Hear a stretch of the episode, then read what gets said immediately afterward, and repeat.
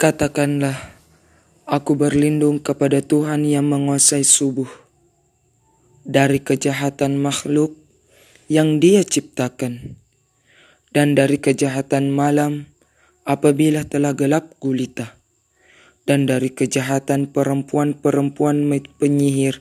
yang meniup pada buhul-buhul talinya, dan dari kejahatan orang yang dengki apabila dia dengki